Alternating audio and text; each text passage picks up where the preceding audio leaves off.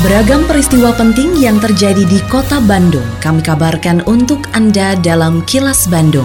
Diproduksi oleh LPS PR SSNI Bandung bekerja sama dengan Humas Pemkot Bandung yang disiarkan serentak oleh 40 radio anggota PR SSNI Bandung. Sejumlah informasi aktual kami hadirkan untuk Anda dan inilah informasi utamanya. Di masa pandemi, peredaran narkoba di kota Bandung meningkat. Kasus HIV AIDS di kota Bandung mencapai 9.000 kasus. Hasil swab tes massal pertama, 12 ASN kota Bandung positif COVID. Saya, Santika Sari Sumantri, inilah kelas Bandung selengkapnya. Petugas Lembaga Pemasyarakatan atau Lapas Kelas 2 Bancai, Kota Bandung, berhasil menggagalkan upaya penyelundupan narkoba ke dalam lapas. Barang haram tersebut dibungkus dengan plastik hitam yang dilempar oleh orang tidak dikenal dari luar penjara. Kepala Lapas Kelas 2 Bancai, Trisaptono Sambuji mengatakan, upaya penyelundupan digagalkan ketika petugas jaga melihat sebuah benda yang mencurigakan tergeletak di antara pos 2 dan pos 3. Ketika diperiksa bungkusan tersebut berisi ratusan butir pil narkoba, tiga buah alat hisap vape, tiga bungkus serbuk yang diduga sebagai bahan baku tembakau gorila, dua liquid vape, serta satu kabel data. Menurut Tri, dengan adanya temuan tersebut, pihaknya kemudian berkoordinasi dengan Badan Narkotika Nasional atau BNN Kota Bandung dan memeriksa rekaman kamera CCTV yang terpasang di sekitar lapas. Barang terlarang narkoba melalui pelemparan. Anggota kami melakukan lingkar badai, samping menjaga pos atas, melakukan penyisiran di sekitar area pos. Ternyata ada barang terlarang, ada bungkusan plastik, dicurigai terus kami dibuka, ternyata isinya adalah narkotika. Di tengah pandemi COVID-19, angka peredaran dan penyalahgunaan narkotika di kota Bandung mengalami peningkatan yang cukup signifikan. Kondisi tersebut terjadi diduga akibat minimnya aktivitas bekerja, sehingga banyak waktu luang untuk berkumpul. Kasat Narkoba Polrestabes Bandung, Ajun Komisaris Besar Polisi Irfan Nurmansyah mengatakan, situasi yang cukup rawan seperti saat ini akhirnya dimanfaatkan oleh para pengedar barang haram untuk menjalankan bisnisnya. Meski begitu, Irfan menyatakan kepolisian akan terus memerangi dan memberantas peredaran narkoba di kota Bandung. Itu di tengah pandemi ini ada suatu peningkatan penyalahgunaan narkoba di wilayah kota Bandung khususnya. Dalam hal ini lebih dominan ya peredaran sabu. Kemudian adanya kayak gorila atau tembakau sintesis. Kita dapat pahami mungkin ya makin banyaknya orang mungkin ya berkumpul satu tempat itu ada semakin banyaknya orang juga ingin memanfaatkan situasi ini. Untuk lebih spesifiknya lagi mungkin itu karena memang banyak waktu luang ya. Sebanyak 12 orang aparatur sipil negara atau ASN Dinas Sosial dan Penanggulangan Kemiskinan atau Dinsos Nangkis Kota Bandung dinyatakan positif COVID-19. Temuan ini berdasarkan hasil swab tes massal terhadap sekitar 3.000 ASN dari tujuh dinas di lingkungan pemerintah Kota Bandung. Sekretaris Daerah Kota Bandung Emma Sumarna menyatakan hasil swab tes massal tersebut tidak langsung dimasukkan dalam rekap data Pusat Informasi COVID-19 atau Pusikov Kota Bandung karena akan dilakukan swab tes kedua terlebih dahulu. Emma yang juga Ketua Harian Gugus Tugas Percepatan Penanganan COVID-19 Kota Bandung mengatakan, meski ditemukan ASN Kota Bandung yang positif virus corona, kasus COVID-19 di Kota Bandung masih terkendali. Baru melaporkan 7, Dukcapil 40 orang semua negatif, di Spangtan 50 semua negatif, Pol PP 50 semua negatif, di Snaker 50 semua negatif, Dinsos ada nih yang positif ada 12 orang. Tapi ini yang ini belum belum masuk dulu karena mau dites kedua kali. Nah, kemudian BPK 50 semua negatif negatif, BPPD 38 semua negatif. Jadi baru 328. Selesainya kapan? Dikira minggu depan berenya. Saya nggak tahu lah kalau ditanya hari apa, kalau jam sabar ditutup nah nggak tahu juga.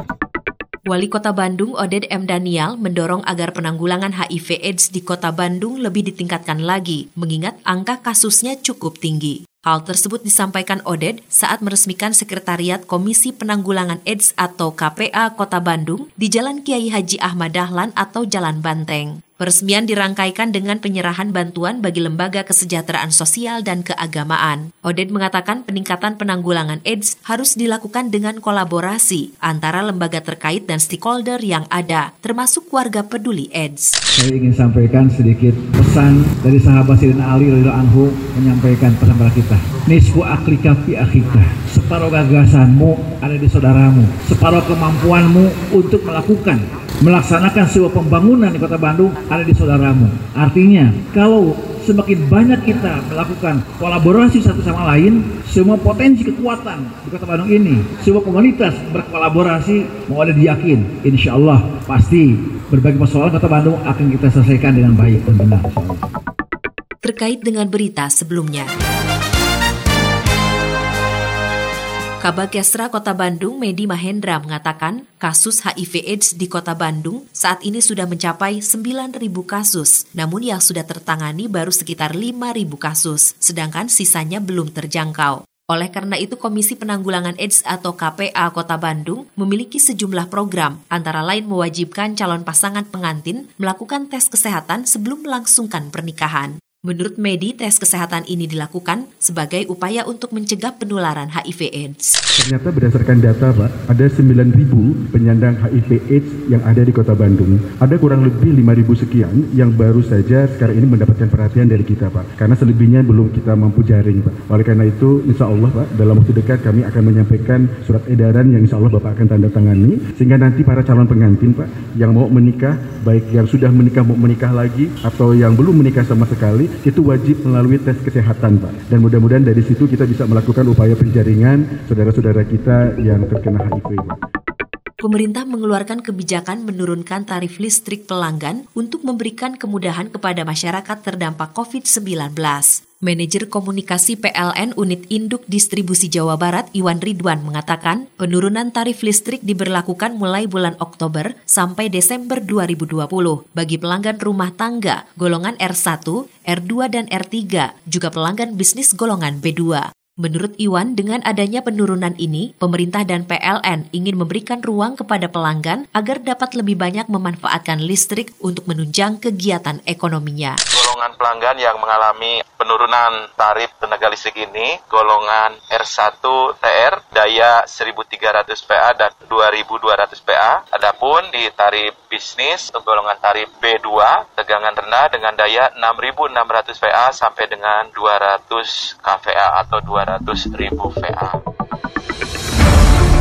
Kini, audio podcast siaran Kilas Bandung dan berbagai informasi menarik lainnya bisa Anda akses di laman kilasbandungnews.com.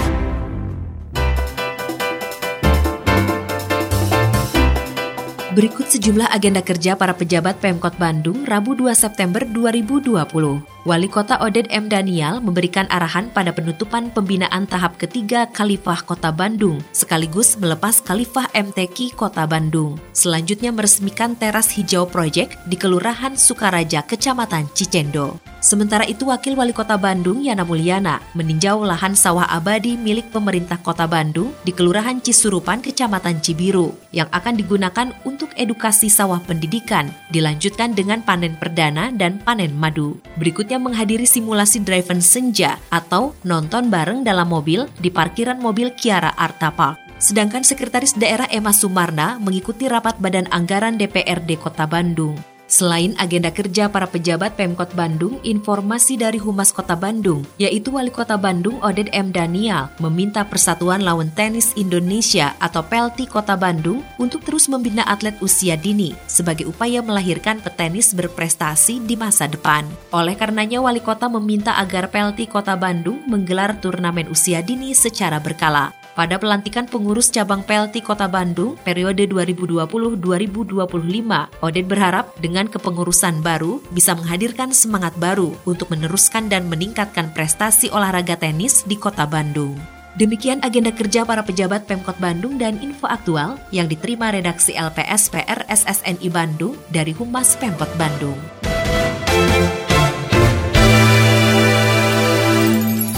Terima kasih Anda telah menyimak Kilas Bandung bekerja sama dengan Humas Pemerintah Kota Bandung yang diproduksi oleh LPS PR SSNI Bandung.